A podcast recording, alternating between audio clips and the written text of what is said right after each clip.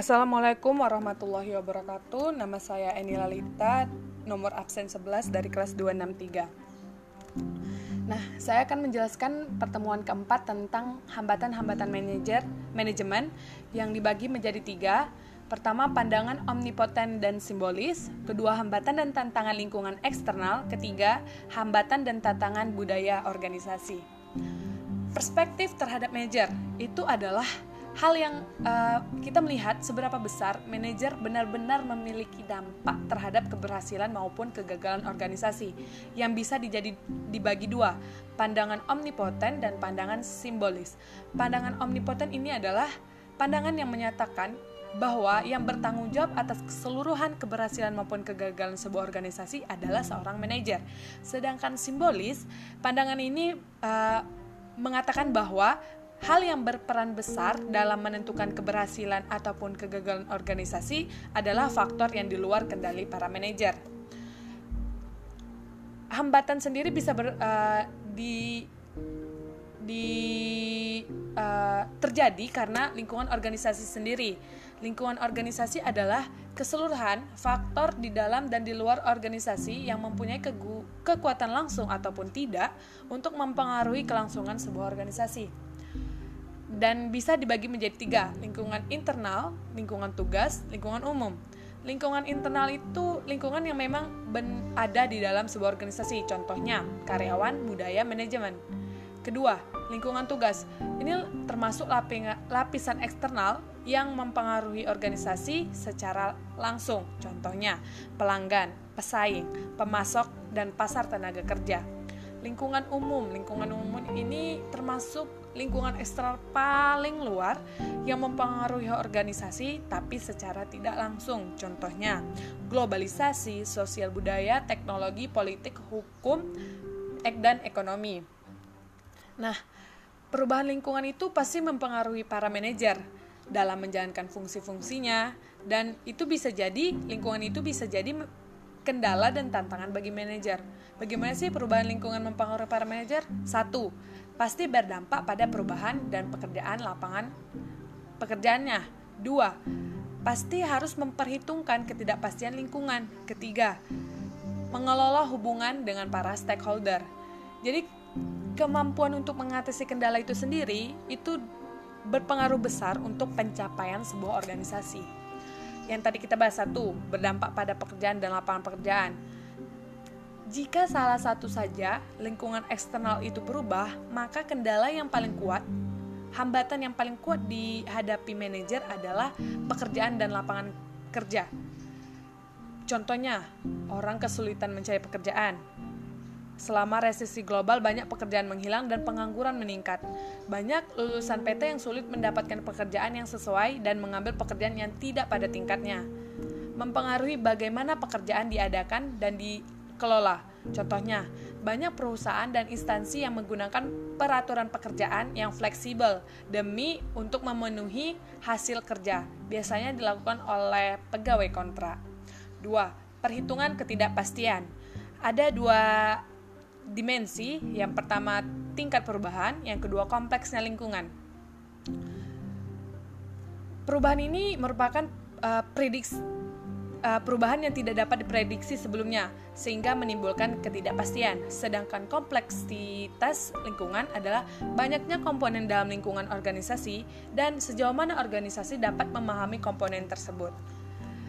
Dalam matriks ketidakpastian lingkungan dibagi menjadi empat stabil sederhana itu ketidakpastian rendah yang lingkungannya stabil dan dapat diprediksi tapi sedikit komponen dalam lingkungan.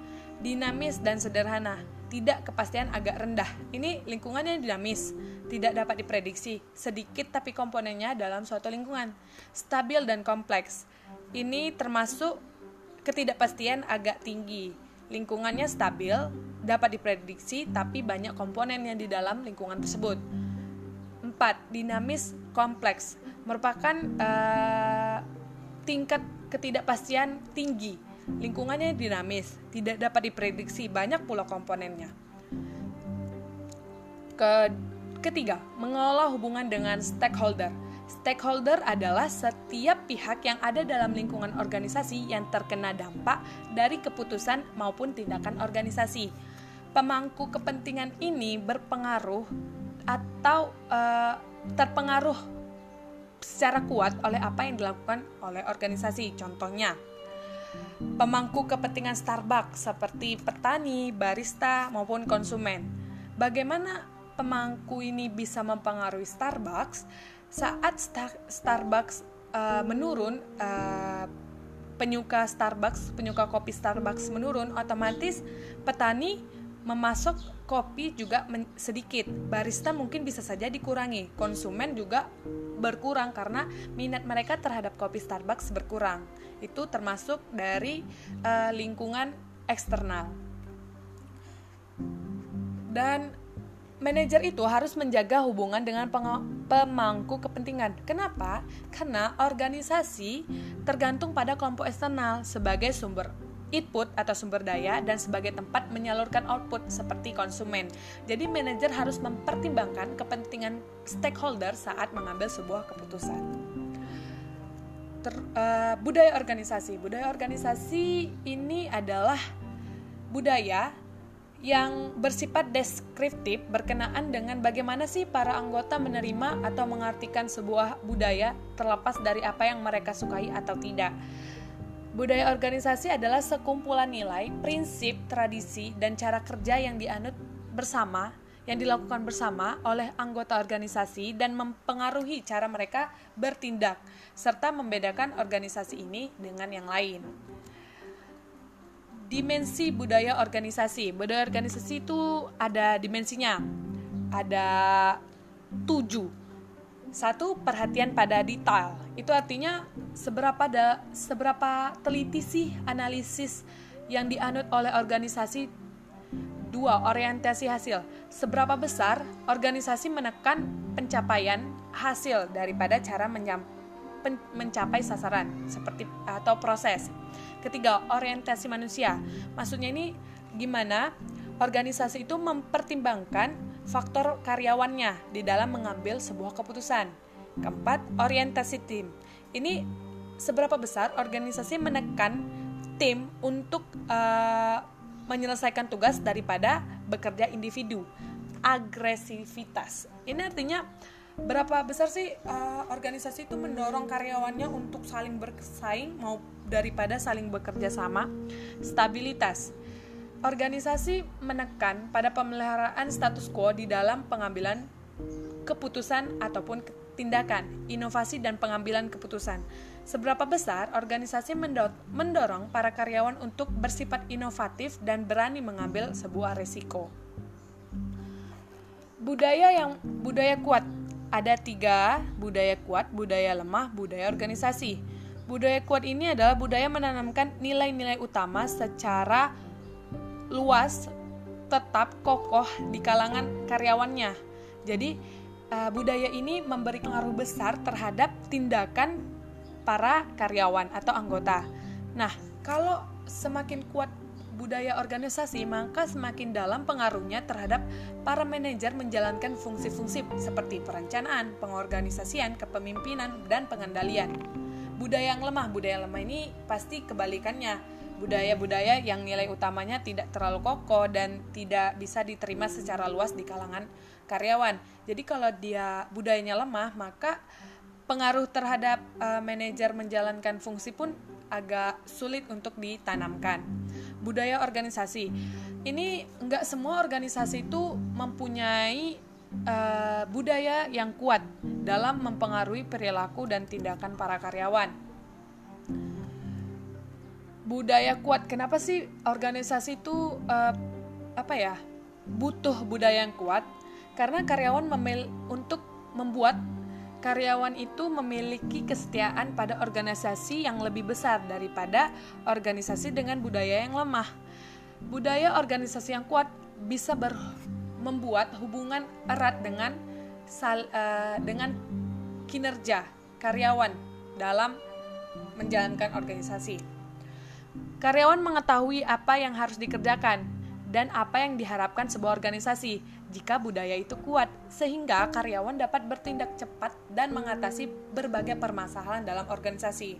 Kelemahannya cenderung menghambat karyawan untuk berani mencoba hal-hal baru, jadi mereka terlalu uh, melakukan hal-hal yang sama setiap harinya. Yang, ter yang terutama dibutuhkan dalam menghadapi situasi yang berubah cepat.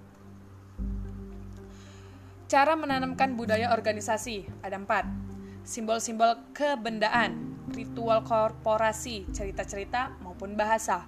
Simbol-simbol kebendaan. Simbol ini menyampaikan pesan kepada karyawan tentang siapa yang dianggap penting dan perilaku seperti apa yang dianggap patut dalam sebuah organisasi. Misalnya berani menanggung resiko, otoriter, aktif, berperan, berperan, individualitas, ataupun lain-lainnya. Ritual korporasi ini serangkaian aktivitas yang dilakukan secara berulang-ulang dalam organisasi untuk mengapresiasi, mengapresikan presikan dan memperkuat nilai-nilai yang dianggap penting. Cerita-cerita ini kenangan-kenangan kejadian dari orang-orang penting. Bahasa, bahasa berperan besar sebagai sebuah identitas bersama yang mengikat dan menyatukan sebuah semua anggota organisasi. Budaya uh, bagaimana kita menghadapi isu-isu budaya organisasi terbaru dengan mewujudkan budaya inovatif, mewujudkan budaya responsif terhadap pelanggan, memelihara spiritualitas tempat kerja. Mewujudkan budaya inovatif ini adalah budaya untuk mendorong tumbuhnya inovasi, menumbuhkan ide-ide dalam bentuk nyata.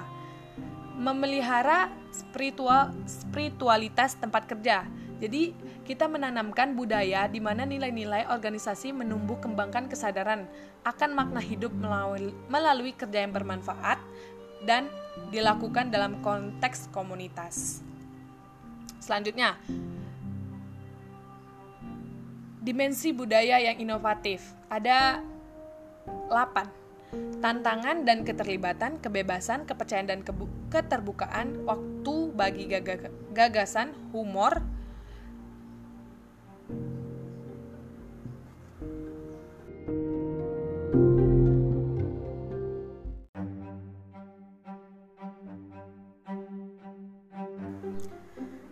bagaimana sih menciptakan budaya inovatif? Yaitu keterlibatan dan tantangan. Itu apakah karyawan terlibat dalam termotivasinya uh, atau berkomitmennya pada sasaran jangka panjang serta kesuksesan organisasi. Kebebasan. Dapatkah karyawan mendefinisikan pekerjaan sendiri secara independen, berpendapat secara bebas dan mengambil inisi inisiatif dalam berbagai aktivitas kerja mereka? Kepercayaan dan keterbukaan. Para karyawan memperlihatkan sikap saling mendukung dan menghormati dalam uh, organisasi satu sama lain.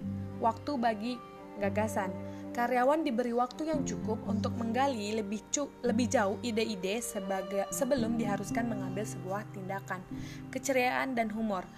Apakah tempat kerja organisasi tersebut menyenangkan? Itu adalah uh, hal penting untuk menciptakan budaya inovatif. Penyelesaian konflik. Dalam pengambilan berbagai keputusan dan penyelesaian berbagai masalah, para individu lebih mendahulukan kepentingan atau pribadi. Silang berpendapat ini maksudnya apa? Apakah karyawan diperbolehkan untuk mengutarakan pendapat pribadinya dan mengusulkan gagasan untuk ditinjau serta dipertimbangkan pengambilan risiko?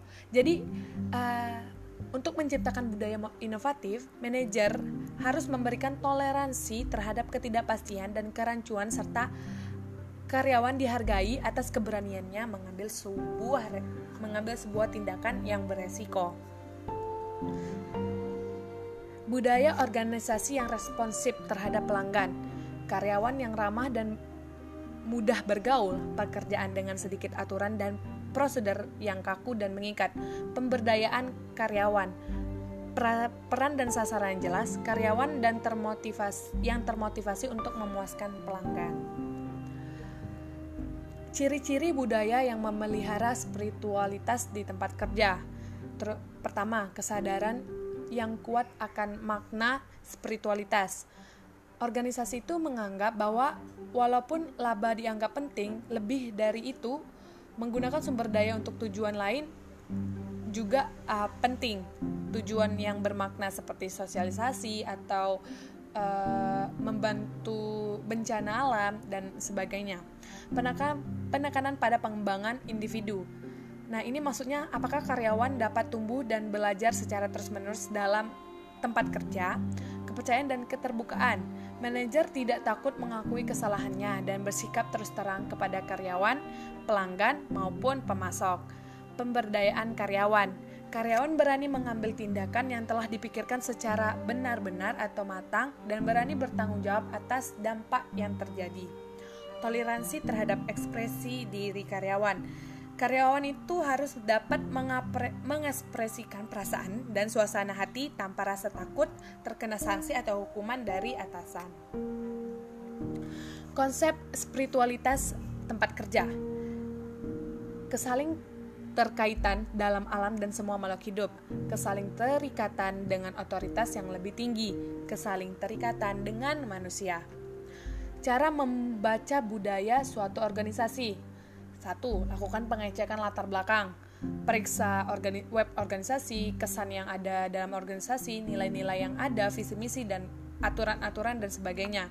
Dua, perhatikan lingkungan fisik dan simbol sebuah perusahaan seperti logo, poster, gambar, atau koordina, koordi, kondisi kantor, penataan gedung, dan lain-lain. Bagaimana mencirikan orang-orang yang Anda temui? Apakah mereka formal, santai, serius, periang atau terbuka dan uh, apakah eh,